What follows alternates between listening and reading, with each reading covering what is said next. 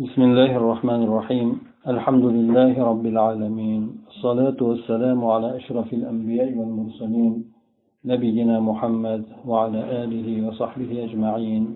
أما بعد إن شاء الله بيجن صحبة مزدا إنسان أذن فتنة لدن قند شكل إذا إنسان جور قديم فتنة لاشل حق دجاجة محشمس فيغمر صلى الله عليه وسلم بعضا g'oyib xabarlarni berardi. Alloh taolo bildirganicha aytib o'tgan ba'zi xabarlari sodir bo'lgan ba'zilari sodir bo'lyapti ham. Bundan keyin qiyomatdan oldin ham bo'ladigan holatlar haqida ham gapirib o'tgan. Biz shu payg'ambar sallallohu alayhi vasallamni bir hadislari o'sha g'oyib haqida o'zlarini davrlarida g'oyib haqida aytgan bir hadislarini o'qib o'sha hadisga aloqador bo'lgan mavzular haqida gapirib o'tamiz. Bu hadisni imom muslim abu hurra roziyallohu anhudan rivoyat qilgan ekan unda rasululloh sollallohu alayhi vasallam aytadilarki بادروا بالأعمال فتنا كقطع الليل المظلم يصبح الرجل مؤمنا ويمسي كافرا أو يمسي مؤمنا ويصبح كافرا يبيع دينه بعرض من الدنيا ma'nosi shundayki sizlar qop qorong'i kechalar kabi keladigan fitnalardan oldin yaxshi amallarga shoshilib qolinglar dedi. Ya'ni inson qop qorong'ida oldida nima turibdi qayerga kirdi nimalar bor bu narsani inson bilmaydi qop qorong'i bo'lgandan keyin. Ana o'shanday fitnalar keladi deyapti. Bu fitnalarda inson haq nohaq nimaligini bilmay qoladi. Qaysi haq qaysi to'g'ri qaysi noto'g'ri shunga narsalarni inson bilmay qoladi. O'shanday holat kelib qolishligidan oldin yaxshi amallar qilishlikka shoshilib qolinglar. Bunday holat bo'ladigan bo'lsa bir kishi mo'min bo'lib tong ottiradiyu ya'ni ertalabda mo'min bo'ladiyu kechga borib turib kofir bo'lib qoladi. Yoki bo'lmasa aksincha mo'min bo'lib kechiktiradiyu kechki paytga kiradiyu lekin tong otganda kofir bo'lgan holatda tong ottiradi. Dinini arzimagan dunyoga sotib yuboradi dedi. Demak mana shu hadis shu hadis haqida gapirib o'tamiz. Hasan basir rahmaulloh aytgan ekanlarki o'zlarini davrlarida bilasizlarki bu kishi tobiinlardan katta tobiinlardan deb e'tibor qilinadi ya'ni davri taxminan sahobalarni davrida yashagan bu kishi. U kishi aytadilarki biz o'shanday bo'lgan odamlarni ko'rdik. Allohga qasamki ularni bittasi dinini bir arzimagan narsaga bir echkini yo bir qo'yni bir narsani puliga sotib yuborardi deb aytadi bu kishi. Demak o'sha davrlarda islom quvvatli bo'lgan inson bemalol dinni mahkam ushlayman desa dinga amal qilaman desa amal qiladigan yana undan tashqari diniy eslatmalar ko'p beriladigan insonlarni iymonlarini quvvatlashlikka ko'p imkoniyatlar bo'lgan bir davrda yashagan paytida ham demak odamlar dinini arzimagan narsalarga ham sotib yuborar ekan. Endi mana bunday bo'lgan holatlarda hozirgi bo'lgan holatlardachi mana hozirgi paytda demak insonlar dinlarini arzimagan narsaga sotib yuborishligi anchagina ko'payib qolgan payt.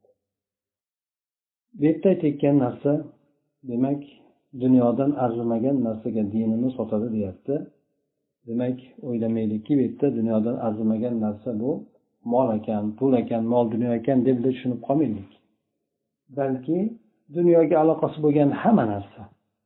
Farqi yo'q u narsa mol bo'ladimi obro' bo'ladimi yoki bo'lmasa ayollar bo'ladimi yoki boshqa nima narsa bo'ladigan bo'lsa. O'sha narsani evazidan inson dinidan kechadi. Katta mol dunyo berishligi shart emas insonga. Ba'zan inson bir ayolni deb turib dindan kechadi. Ba'zan esa boshqa bir arzimagan narsaga taqlid qilib yoki bo'lmasa bir boshqa bir narsani va'da qilinadigan bo'lsa o'sha narsani deb turib inson dinidan kechadi. Bu hadisdan tushunishimizcha demak zamonni oxiri bo'lib qolgan paytlarda hozir ham zamonni oxirlaridan birida yashayapmiz. Demak iymon judayam insonlarda zaiflashib ketar ekan. Shahvatlar bo'lsa insonlarni qiziqtiruvchi bo'lgan narsalar judayam kuchayib ketar ekan. Demak insonlarda iymon zaif bo'lgandan keyin bo'lib ham taqlidiy bo'lgandan keyin taqlidiy degani inson ota onasi musulmon u ham musulmon. Ha ya'ni dindan hech narsani bilmaydi. Ya'ni musulmon musulmon. Ana shunday taqlidiy bo'lgan iymonga ega bo'lgan kimsalar o'shanday katta qattiq bo'lgan fitnalarni oldida turib berolmas ekanda o'shandan dinni arzimagan narsalarga alishib yuborarkan. Bu yerda fitnalar ikki xil bo'ladi. Birinchisi fitnatu shubhat deydi. Shubhalar fitnasi deydi. Ikkinchisi fitnatu shahavat deydi. Shahvatlar fitnasi deydi.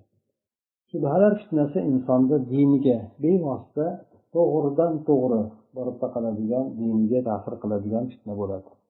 Bunda inson har xil ilhodiy bo'lgan kufr bo'lgan e'tiqodlar insonni qalbiga kirib qolishligi. Kufr bo'lgan narsalarni e'tiqod qilib qolishligi. Bu mana aytaylik hozirgi paytda oz emas butun olib ko'radigan bo'lsak liberallar deydi islom diyorlaridagi bo'lgan liberal partiyasiga suyanadiganlar. Yana ilmoniylar deydi bular ham juda katta odamlarni tashkil qiladi. Lekin demokratlar nisbatan ba'zan bo'ladi. Ba'zilar endi diniy maqsadda bo'ladi lekin o'shalardan asosan ilmoniy bo'lganlari ilmoniy degani shuki din faqatgina masjidda bo'lishi kerak. Odamni shaxsiy hayotiga aloqador xolos deydi. Siyosatga umuman aloqasi yo'q. Siyosatni yechib berishlikka yoki siyosat bilan birga yurishlikka uni imkoniyati ham yo'q degan fikrni aytadigan odamlar. Aslida insonni dinini nafaqat siyosatdan balki o'zi aslida hayotdan butunlay chiqarib tashlashlikka bular harakat qilishadi. Ilmoniylar judayam qattiq harakat. Ilmoniylar judayam katta bir harakat. Bu narsa o'zi aslida xristianlar diyorida yevropada paydo bo'lgan. Bu asli bu tushuncha bunaqa e'tiqod. Sekin sekin islom diyoriga ham o'tib borgan odamlarda shunaqangi. Odamlarda oddiy bilan gapirsangiz ko'p aytadi. Siyosat nima qiladi? Bu siyosatga aralashib deydi din deydi masjidda o'ladida deydi. Namoz o'qib din yurolmaydimi deydi. Bu hammasi ilmoniy tushuncha bo'ladi. Ilmoniy e'tiqodni e'tiqod qiladigan odam haqiqatdan o'zi bilib e'tiqod qiladigan bo'lsa u odam dinda qolmaydi.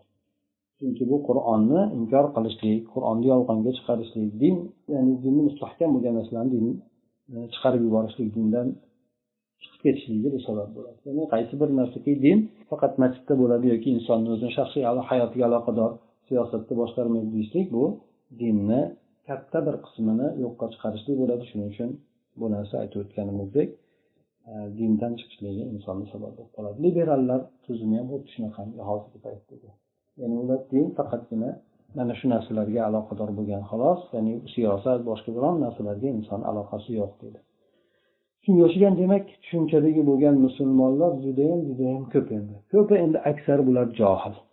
Bu aytib o'tganimizdek bular fitnatu shubahatga kiradi. Ya'ni shubhalar kirib qolgan ularni shu fitnalarga aralashib qolgan shubha fitnalariga.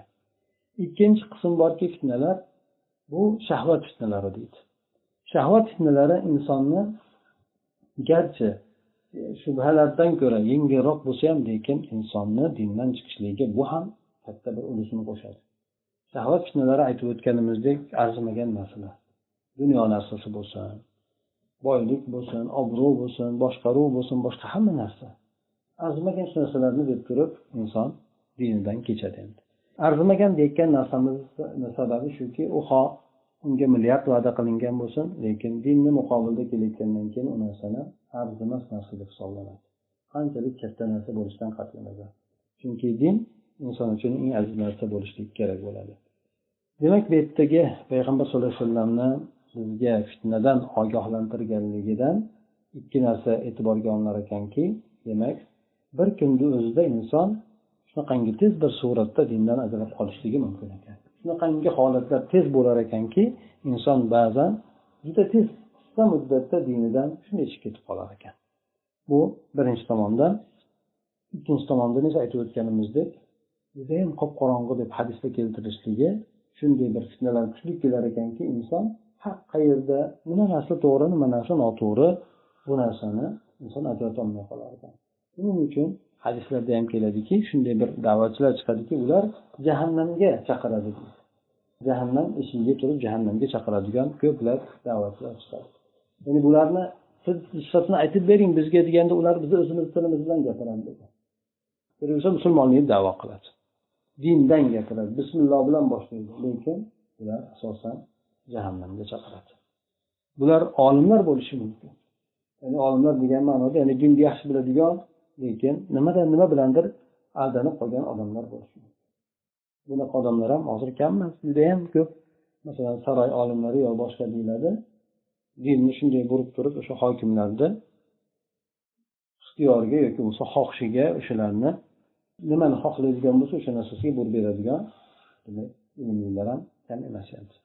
Bular demak o'zlari ba'zan aytib ham qoladi o'zi oxiratimiz kuygan degan holatda. Ba'zida insofli bo'lganlari aytadi bizni oxiratimiz kuydi deb. Lekin aytib o'tganimizdek bu ommaviy bo'lgan aytilayotgan hadis ya'ni nafaqat ilmlilarga balki hamma uchun inson fitnalar kelishligidan oldin yaxshi amallarga qilishlikka shoshilib qolishlik bularda ba'zilarini misol keltirib o'taman. Tarixdan ya'ni islom juda ham rivojlanib turgan yaxshi bo'lib turgan paytlaridagi hamda o'sha payg'ambar alayhissalomni davri atroflarida odamlar qanday qilib dini arzimagan narsaga alishib yuborganligini biz ko'rib chiqamiz. Birinchi o'sha payg'ambar sallallohu alayhi vasallam yangi dinni olib kelgan paytlarida yangi payg'ambar bo'lib kelgan paytlarida makkada da'vatini boshladilar. Insofli bo'lgan odamlar dinga kirdi. Mana abu bakr bo'lsin undan keyin abdurahmon boshqa boshqalar hattoki umarlar ham biroz muddat kirishdi. Lekin o'sha paytlarida abu jahl judayam qattiq dinga qarshilik qildi. Bular dinni bilmasmidi? Din alloh taolo tomonidan haq ekanligini bilmasmidi bular? Aksincha bilardi bular. Mana fir'avn to'g'risida alloh taolo aytganda ya'ni fir'avnni ya'ni bular ich ichidan bu narsani yaxshi ishonishardi bilishardi lekin tilda tashqarida kofir bo'ladi deb aytadi. Ya'ni ular o'zlari ichkari tomondan aniq suratda bu muso alayhissalomni payg'ambar ekanligini ham bilar edi o'zini xudo emas ekanligini ham bilardi. Xuddi shunga o'xshagan bu abu jahl bo'lsin yoki ana atrofidagi bo'lgan dinga qarshi kurashgan odamlar bo'lsin dinni haq ekanligini bilishadi shuning uchun o'zaro gaplashishgan paytida ham payg'ambar sallallohu alayhi vasallamga bir odamni yuborishadi. Kelishlik maqsadida u borgan odamni abul valid degan odam bo'ladi. Ya'ni qavmni baxtiqaro bo'lgan bittasi bo'ladi o'sha baxtiqaro deb nomlanganlardan bittasi bo'ladi. Payg'ambar alayhisalomga kelib takliflarni aytadi. Takliflarni aytgan paytda payg'ambar alayhisalom abul valid gapingiz tugadimi deydi. Ha deganda bo'lmasa eshiting deb turib payg'ambar sallallohu alayhi vasallam fusilat surasini avvaldan bir betda o'qib beradi.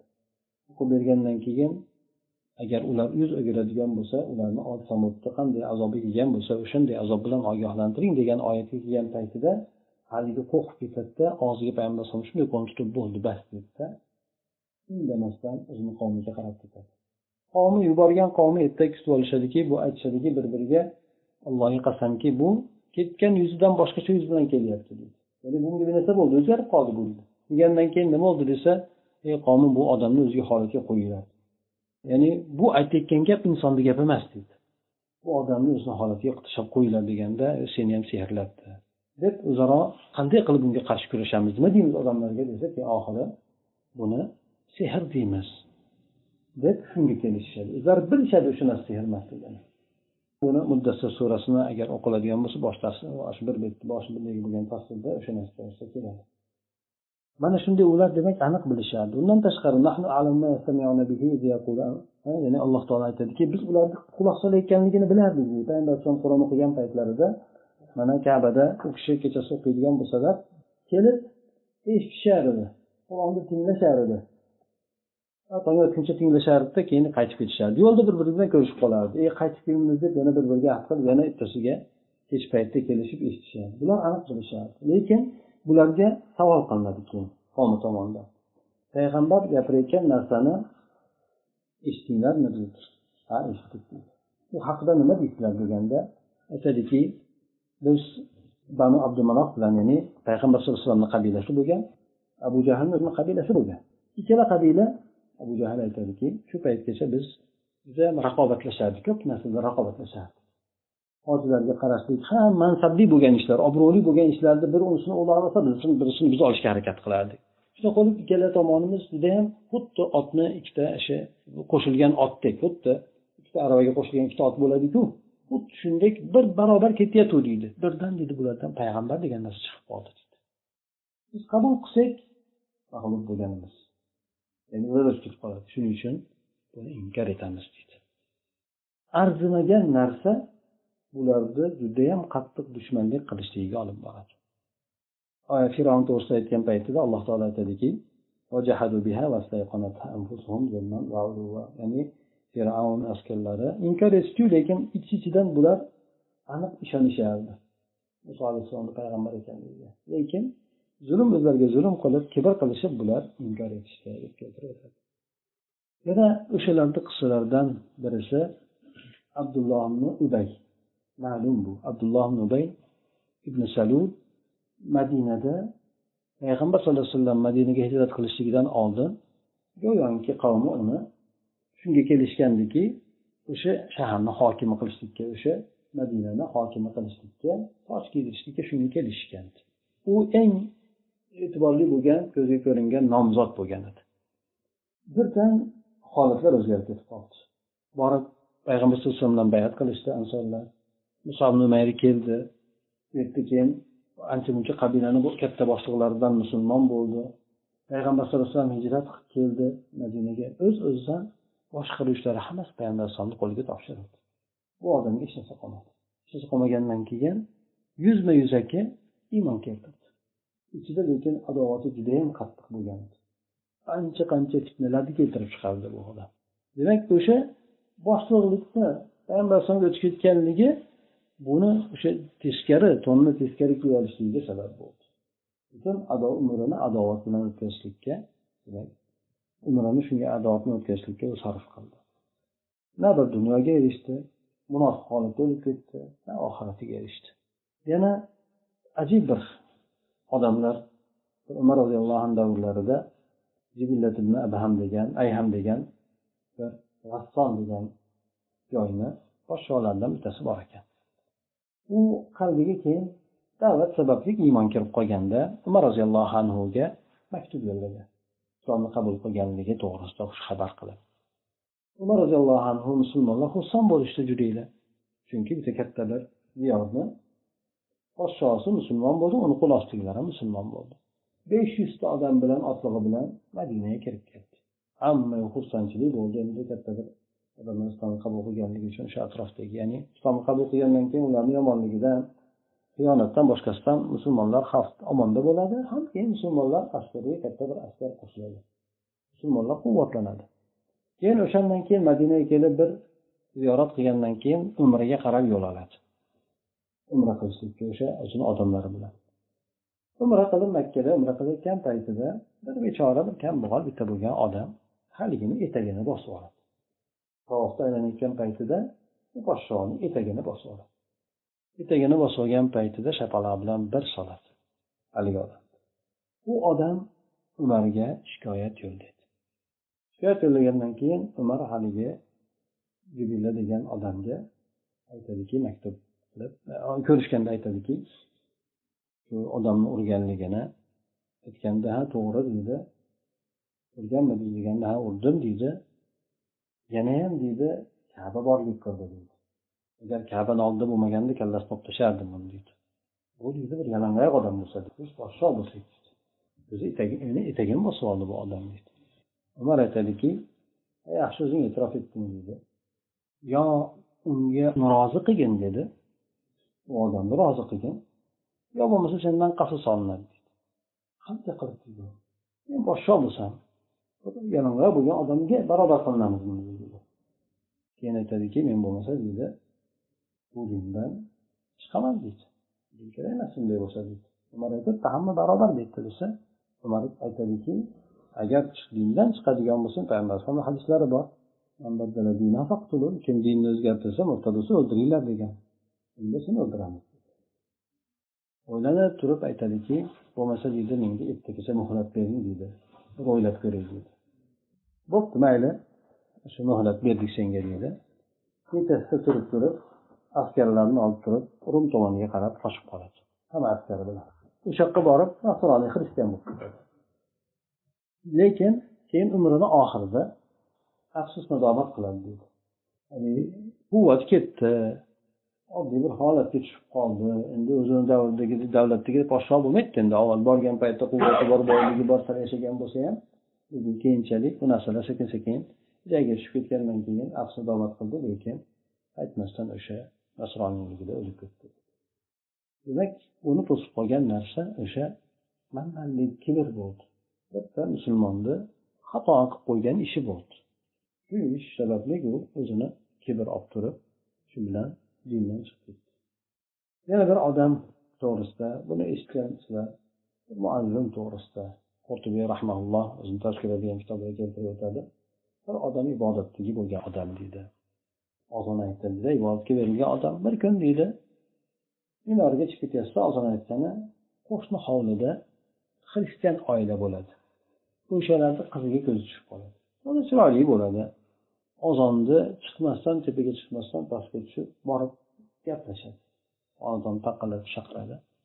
Shunaqa seni xohlayman desa men ya'ni bunday narsa bo'lmaydi deb aytgan paytida ya'ni shubha boshqa narsa orqali bu narsa bo'lmaydi deganda unisi men senga uylanaman deydi.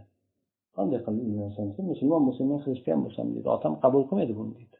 Bo'lmasa diningga kiraman diningga kiraman deydi. Diniga kiradi. Tepaga chiqqanda tepaga chiqib ketgan paytda o'sha yerdan yiqilib hech qancha vaqt o'tmasdan o'sha yerdan yiqilib o'ladi. Uning qisqa muddat ichida haligi odam demak dinini arzimagan narsaga sotdi bu odam yana bir boshqa bir odam mushuklardan payg'ambar sallallohu alayhi vasallam bilan uchrashlikni juda orzu qilib yurar ekan. Ash ibn qays degan odam yoshi katta bir shoir bo'lgan odam ekan ya'ni obro'li bo'lgan yamoma degan tomonda ekan ya'ni najd deganda. Juda islomga kelishlikni qiziqib shu odam yurar ekanda. Keyin keyin egar jabdug'ini o'sha yerdan hozirlab rasululloh sollallohu alayhi vasallamga uchrashaman deb yo'lga chiqib ketayotgan endi bu odam. Payg'ambar alayhissalom juda maqtab aytib she'rlar aytib ketayotgan paytda yo'lda o'sha bir boshqa bir qabiladan bo'lgan ketayotgan paytida u odamlar ko'rishib so'rabdi unga ya'ni qayerga qarab ketyapsan? deb aytsa shunaqa payg'ambar alayhissalomni huzuriga ketayotganligini ya'ni o'sha musulmon bo'lishligi uchun maqsadini aytgandan keyin haligilar haligi odamlar u deb bu odam katta obro'li bo'lgan shoir bo'lgan odam. Agar musulmon bo'lib qolsa yana ham nimasi bo'lib qoladi bunday aytganda? Ancha quvvatlanib qoladi ular buni musulmon bo'lmaslik kerak bu odam deb o'zaro gaplashib turib aytishadiki seni dining o'zi ota bobong dini uni dinidan ko'ra yaxshirog'u nima qilasan uni diniga kirib? deydi shunda u odam aytadiki yo'q dini yaxshi deydi to'g'ri bizni dinimizdan ko'ra uni dini yaxshiroq deydi. E, deydi ular deydi zinoni mumkin emas deydiyu harom deydiyu deydi. Men deydi yoshim katta bo'lsa deydi men zino nima qilaman deydi. Aytadiki ular aroqni ham mumkin emas deydi mast qiluvchi ichimlik ham harom deyishadi. Boraolasanmi mast qiluvchi ichimlik o'zi aqlni ketkazib qo'yadi o'zi. Yaxshi emas u narsa deydi. Ayollar o'ylanib u desa bu deydi bu desa u deydi keyin keyin oxiri aytishadiki bo'lmasa deydi. Keyin borib nima qilasan deydi. Biz senga yuzta tuya beramiz deydi. Shu bilan oilangga qaytganda islomda nima qilasan deydi. Biz senga yuzta tuya beramiz deb aytganda haligi odam o'ylanib qoldi deydi. Agar qarasa katta yuzta tuya endi kichkina emas endi boylik endi. Shayton uni aqliga g'olib keldi keyin bo'pti. Mayli yuzta tuya bo'ladigan bo'lsa mayli bo'lmasa deb o'sha chiqqan joyidan orqasiga qaytib borib borib yetmasdan o'sha o'zini tuyasini ustidan yiqilib o'ldi hech qancha. U na dunyosidan foydalandi na obro'sidan boshqasidan foydalandi shunga o'xshagan demak ko'p hattoki payg'ambar alayhisalomni vahiysini yozgan bir odam ham dindan qaytib ketib qoladi. Vahiysini yozib yurgan bo'ladi. Keyin odamlarni o'rtasida makkada turgan paytda gap tarqatadi. Unday yozsa men bunday yozardim bunday desa unday yozardim degan gaplarni tarqatadi. Yana oxiri payg'ambar alayhisalom alloh taologa duo qiladi o'sha duo ibodat qiladi o'shani u o'ladi. O'lgandan keyin ko'mishadi. Bir joyga borib ko'mishsa qabrdan tashqariga chiqib qoladi. Yana qaytadan ko'mishadi. Bir narsa birov chiqarib qo'ydi bir narsa bo'ldi shekilli deb turib. Yana kelib qarashsa yana tashqariga qabrdan tashqariga chiqib qo'ygan bo'ladi. Uch marta oxiri aytadiki bu bir narsa bo'lgan bunga deydi. Tashlanglar uni deydi teminglar hayvonlar boshqalar kelib nima qilib ketadi? Ya'ni arzimagan narsani deb u ham dinni tark qilgan bo'ladi. Ana o'shandek demak inson judayam o'ziga ishonib kerak. Chunki qur'oni karimda ham aytadi. Alloh taoloni makridan xotirjam bo'lmanglar deydi alloh taoloni makridan faqatgina o'zlarini xotirjam qilib olgan odamlargina shulargina aldanib qoladi shu narsadan. Yana undan tashqari sizlarni dunyo hayoti aldab qo'ymasin deb shuning uchun payg'ambar sallallohu alayhi vasallam ko'p duo qilardilarki yoki ko'pchilikka sahobalar so'rashardi ya'ni ey rasululloh nima uchun bu duoni ko'p aytasiz? Allohim sen qalblarni mustahkam ushlab turuvchi bo'lgan zotsan diningda meni qalbimni mustahkam qilgin deb shu ko'p aytdi. Bizga ishonmaysizmi? deyardi. Ya'ni biz yaxshi islomda bo'lyapmiz amallarimiz hamma narsalar yo'lga qo'yib oldik boshqa bo'ldi u bo'ldi bu bo'ldi demak bizga xotirjam bo'lmaysizmi deganda payg'ambar alayhisalom aytadilar insonlarni bandalarni qalblari alloh taoloni barmoqlaridan ikki barmoqni o'rtasida xohlagandek o'zgartirib qo'yadi. Demak inson har xil fitnalar yo'liqib qolar ekanda insonga agar insonni iymoni zaif bo'ladigan bo'lsa u fitnada insonni dinini yo'q to'lg'ab ketib qolar ekan. Kofir bo'lganda to'liq kofir bo'lib ketib qoladi katta kofir bo'lib yani dindan chiqib ketadigan darajada yoki bo'lmasa kufr ikki xil bo'ladi. Dindan chiqmasa ham lekin judayam katta bir gunoh kabirani o'rnida bo'lgan kufr ham bor. Kichikroq deyiladi. Ana o'sha kufrga ham o'tib qolishligi mumkin bo'ladi. Ikkalasi ham insonni katta ziyoni. Birisida butunlay jannatdan mahrum bo'ladigan bo'lsa ikkinchisida katta bir azobga ham inson giriftor bo'lib qoladi. Garchi musulmonlikdan chiqib ketmaydigan taqdirda ham. Mana shunday demak payg'ambar sallallohu alayhi vasallam bizlarni ogohlantirdi. Inson arzimagan narsani deb turib yaxshilikdan mahrum bo'lib qoladi. Arzimagan narsani deb turib yaxshilikdan mahrum bo'lib qoladi. Ba'zan odamlarni ko'rasizlar. Alloh taolo unga bir ne'matni beradi. Bir ne'matni beradi. Yo ilm o'rganish ne'matini beradi yoki qanaqa bir yaxshi bir ne'matlarni beradida u odam uni tark qiladi. Tarqib ketadi na bir dunyoligiga erishadi na bir boshqa bir narsaga erishadi. Na ilmga na bir dunyolikka erishadi. Bunaqalar ham ko'p endi. To'g'ri endi masalan dindan chiqib ketib qolmasa ham lekin o'shancha bergan ne'matga nonko'rlik qilib yoki bo'lmasa shundan foydalanmasdan ketib qoladida shu bilan u odam umrini arzimagan narsalarda o'tkazib yuboradi u odam na bir dinda bir yaxshi bir nima bo'lib qoldi? Ilmli bo'lib qoldi. Yoki bo'lmasa na bir boshqa dunyoga o'tib ketib qoldi dunyodan katta bir boy bo'lib ketib qoldi vaqtini bekor arzimagan narsalarga zoya qilganligi qoladi nima uchun bu yerda payg'ambar sallallohu alayhi vasallam yaxshi amallarga shoshilinglar dedi? Chunki yaxshi amallar insonni fitnalar kelgan paytida fitnalar judayam odamni ko'r qiladigan fitna kelgan taqdirda ham o'sha yaxshi amallar insonni sobit qadam bo'lishligiga sabab bo'ladi. Oyatda ham keladiku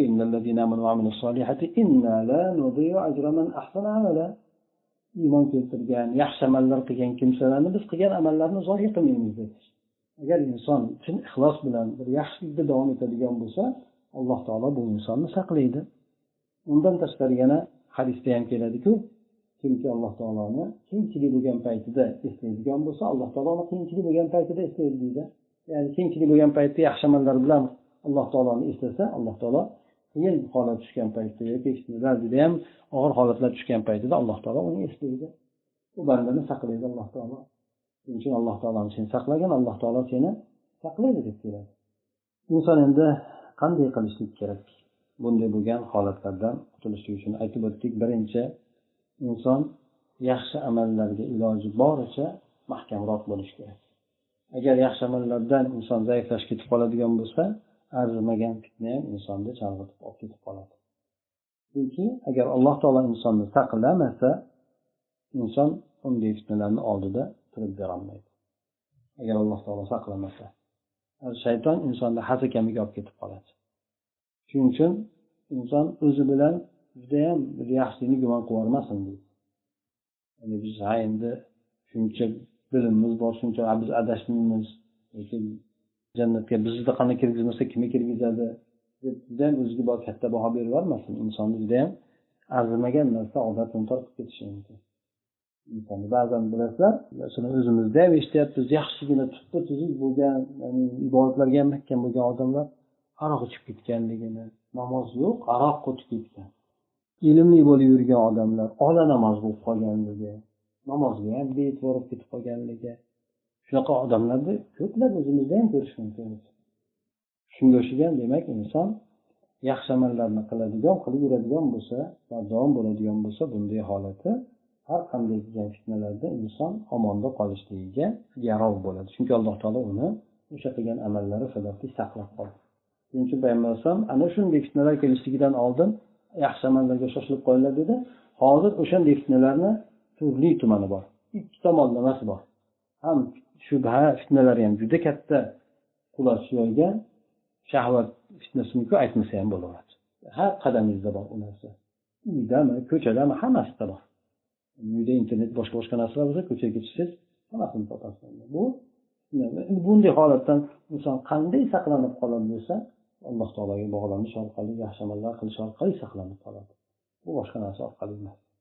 Agar inson iymonni quvvatlanadigan bo'lsa sekin sekin zaiflashib turib ancha narsa bilan ta'sirlanib qoladi. Arzimagan narsa nima boyib ketdimi desangiz yo'q boyagani yo'q. Ilon topgani yo'q bunday aytganda. Gandiraylab yuradi xolos. Sababi o'sha ibodatni yo'qotib qo'ydi bu odam. Hmm, muhitga ham ta'siriga tushdi. Keyin inson haligi nima tomoniga shahvat tomoniga judayam inson moyil bo'ladi. Shuning uchun aytadiku jahannam nima bilan o'ralgan? Shahvatlar bilan o'ralganda jahannam. O'ziga judayam jalb qiluvchi odamni qiziqtiruvchi bo'lgan narsalar bilan o'ralgan jannatda qiyinchiliklar bilan o'ralgan chunki inson nafsi judayam moyil bo'ladi. Unga qarshi kurashsa keyin keyin jannatga o'tishligi mumkin do'zaxdan saqlanishligi mumkin. Demak birinchisi inson yaxshi amallarni qilib qolishligi chunki bu hadis boshida kelyapti. Shunday holat tushib qolmasligi uchun nefsniga o'lib qolmasligi uchun inson e, yaxshi amallarga shoshilib qolsin dedi. Bu albatta vojib farz bo'lgan amallarni qilishlik haromdan tiyilishlik undan keyin nafllarni ham qilishlik nafllarni qilsa hadisda keladiku banda agar nafl ibodatlarni bardavom qilib ketadigan bo'lsa hadis qudusiyda keladi uni alloh taolo yaxshi ko'rib qolaman deydi. Yaxshi ko'rsam uni ko'zi qulog'i oyog'i qo'liga aylanaman deydi. Ya'ni nima so'rasa beraman nimadan panoh so'rasa panohimga olaman deb aytadi. Demak o'shanday ibodatlar bilan demak inson o'zini himoyalab saqlab oladi. Undan keyin ikkinchisi inson muhitdan iloji boricha ta'sirlanmaslikka harakat qilish kerak. Kirib bormaslik kerak. O'tga kuydirmaydi deb o'tga bormaslik kerak. Kuydirib qo'yadi. O'tirgandan keyin kuydiradida shuning uchun fasod bo'lgan muhitga inson menga hech narsa qilmaydi deb kirib aralashib ketavermaslik kerak. O'z domiga tortib ketib qoladi. Shuning uchun iloji boricha shunday bo'lgan muhitdan inson o'zini tortishlikka uzoq bo'lishlikka harakat qilishlik kerak. Iloji boricha. Yana o'sha sabablardan shuki bu yordam beruvchi bo'lgan sabablardan inson alloh taologa ko'p duo qilishlik kerak. Payg'ambar alayhisalom ko'p duo qilardi. Hattoki sahobalar shu savolni berishganda bizga ishonmaysizmi? Ya'ni biz o'zgarib ketib qolishimiz mumkinmi deganda payg'ambar alayhi vasallam aytgan gaplari bor demak insonni hamma odamlarni qalblari alloh taoloni barmog'i orasida. Xohlaganida o'zgartirib qo'yish mumkin. Demak agar alloh taolo insondan saqlash himoya qilishini olib qo'ysa insonni o'zini o'ziga tashlab qo'yadigan bo'lsa insonni halokati bo'ladi. Shuning uchun oyatni tafsirda ham aytishadiki kim alloh taolo hidoyat desa u hidoyatlangan bo'ladi. Kimni adashtirsa u adashgan bo'ladi deydi. Alloh taolo qanday adashtiradi inson desa o'zini o'ziga tashlab qo'yadi. Bo'ldi. O'sha insonni adashishligi bo'ladi. O'zini o'ziga tashlab qo'ysa nafsi bor shayton bor muhit bor o'zidagi bo'lgan haligi intilish boshqa narsalar bor hammasi insonni qulatib qo'yadi yiqitib qo'yadi. Qarabsizki u odam zalolatga aylanib qoladi zalolatda bo'lib qoladi.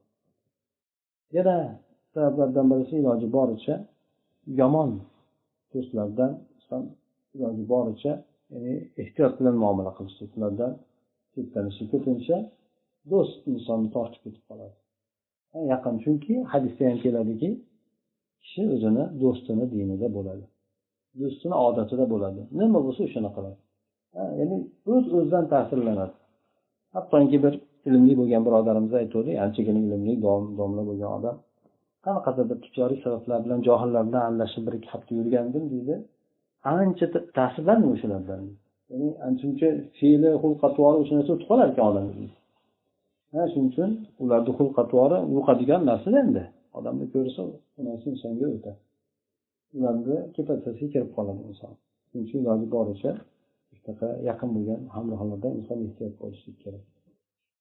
Ya'ni eng katta inson saqlanishligi mumkin bo'ladigan vositalardan bittasi ilm o'rganishligi bo'ladi ilm o'rganishligi iymonni ziyoda qilishligi. Bu ilm o'rganishligi sekin sekin fitna tushunishlikka sabab nima bo'ladi sabab bo'ladi fitna nima ekanligini tushunishlikka shubhalardan shahvatlarni haqiqati nima ekanligini biladi. U narsalardan chetlanishiga yordam beradi. Iymonni ham quvvatlanishiga sabab bo'ladi. Inson doim muhtoj iymonni quvvatlantirishlikka o'shanday payg'ambar sallallohu alayhi vasallamni davrlarida sahobalar o'tir bir iymonlashaylik deb aytgan bo'lsa yana payg'ambar alayhissalom bizga ham aytgan gaplari biz sizni oldingizda bo'ladigan bo'lsak judayam bir jannat tasvirlab beradigan bo'lsak boshqa bir hayotda bo'lamiz. Oilalarimizga aralashib ketadigan bo'lsak o'sha lazzatni topolmay qolamiz. Ya'ni butunlay boshqacha bo'lib qolamiz oilaga o'zgarishlik bu islomiy muhitda aytgan gaplari bo'ladi. Hozirgi bo'lgan muhitda demak inson tashqariga aralashadigan bo'lsa u muboh bo'lgan narsaga emas harom narsaga ketib qoladi o'shanday bo'lgan paytda ular iymoniy suhbatga yoki iymoniy majlisga muhtoj bo'lgan ekan. Hozirgi paytda inson judayam ko'proq muhtoj bo'ladi. Agar ozroq bir dars boshqa bo'ladigan bo'lsa eng ishtirok etishligi kerak bo'lgan zarur bo'lgan ularga eng iymon quvvati kerak bo'lgan yoshlarimiz turib ketishadi ularga ko'proq kerak bu narsa. Kattalar har qanday o'zini shahvat tomonidan bosib olgan bo'lishi mumkin. Kurash ularga nisbatan zaifroq bo'lishi mumkin lekin hamma kurash yoshlarga qaratilgan bu yerda. Asosan yoshlarni dindan uzoqlashtirishga qaratilgan. Shunday narsa bo'lib turib yoshlar aytaylik hammasi ha desa sahobalar orasida eshitganmiz sahobalarni eshitishlik emas uni o'ylab ibrat olishlik ha demak bunday qilishgan ekan biz ham shunday qilsa yaxshi bo'lar ekan deb demak olishlik faqatgina tarixda shunday aytib qo'ysa ha endi bir bo'lgan ekan deb turib o'tib ketaveradi.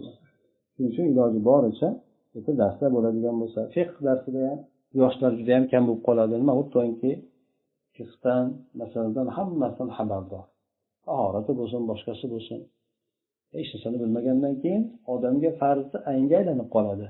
Ibodatidagi zarur bo'lgan hukmlarni bilishlik. Farzi ayn degani uni qilmasa gunohkor bo'ladi degani. Agar jay bilib ketgan bo'lsa unga farzi kifoya bo'lib qoladi. Ya'ni bilish o'shalarga o'rgatishlik uchun bilishligi yana yaxshi bo'lib qoladi. Nima bo'lganda ham inson ajrdan xoli bo'lmaydi hamda o'zini himoyasi uchun fitnalardan himoyasi uchun judayam katta insonga kerak bo'ladi. O'shandek demak iloji boricha boshqalarga ham aytib qo'yinglar yoshlar ko'proq muhtoj bo'ladi bu yerdagi nima uchun kattalarga faqat kattalarga qilinayotgani yo'q yoki yosh bolalarga atab qilinayotgani yo'q bu narsa umumiy bo'lgan narsa hamma uchun yoshlar uchun ham katta bo'lgan bo'lgan odamlar uchun ham kattalar uchun ham. Lekin eng katta kurash kichkina bolalar bilan yoshlarga bo'ladi bu yerda. Asosan ularni dindan uzoqlashtirishlikka. Shahvati ham shubhasi ham hammasi o'shalarga qaratilgan bo'ladi. Maktabda bo'lsin uyda bo'lsin internet boshqa narsada bo'lsin. Shuning uchun bular o'zlarini himoya qilishlik uchun shunday bo'lgan iymoniy majlislarga muhtoj bo'ladi. O'shanday narsa yo'q bo'lgan boshqa joydagi odamlar bilan bir solishtirib ko'ringlar hayotinglarni ibodatlari chala. Juda kamdan kam o'zi berilib o'qimasa birovni zo'ri bilan o'qiydi.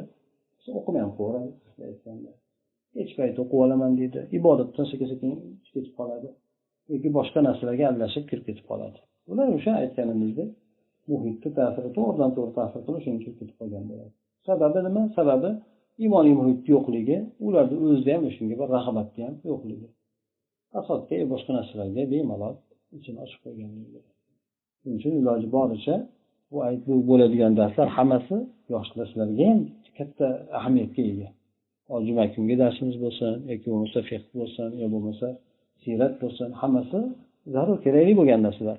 Xuddi uyga borib katta bir ish qiladigan odamdek mayli imtihoni bo'lsa tushunishimiz mumkindir bir marta yarim marta. Lekin boshqa narsalarda hech qancha bo'lmaydi. Sizlardan oshcha narsa talab qilmaydi. Bo'lsa yigirma minut yarim soat bo'ladi.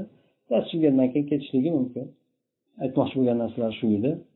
alloh taolo hammamizni nimalarni hammasidan saqlasin maxfiy bo'lgandan oshkor bo'lgandan ham alloh taolo iymonlarimizni mustahkam qilsin yaxshi amallarga alloh taolo qalblarimizni ochsin ixlos bilan qilishlikka alloh taolo muyassar qilsin ularni keyin alloh taolo kamchiliklar bo'lsa afv etib o'zini huzurida qabul qilsin سبحانك اللهم وبحمدك نشهد أن لا إله إلا أنت نستغفرك ونتوب إليك اللهم انفعنا بما علمتنا وعلمنا ما ينفعنا وزدنا علما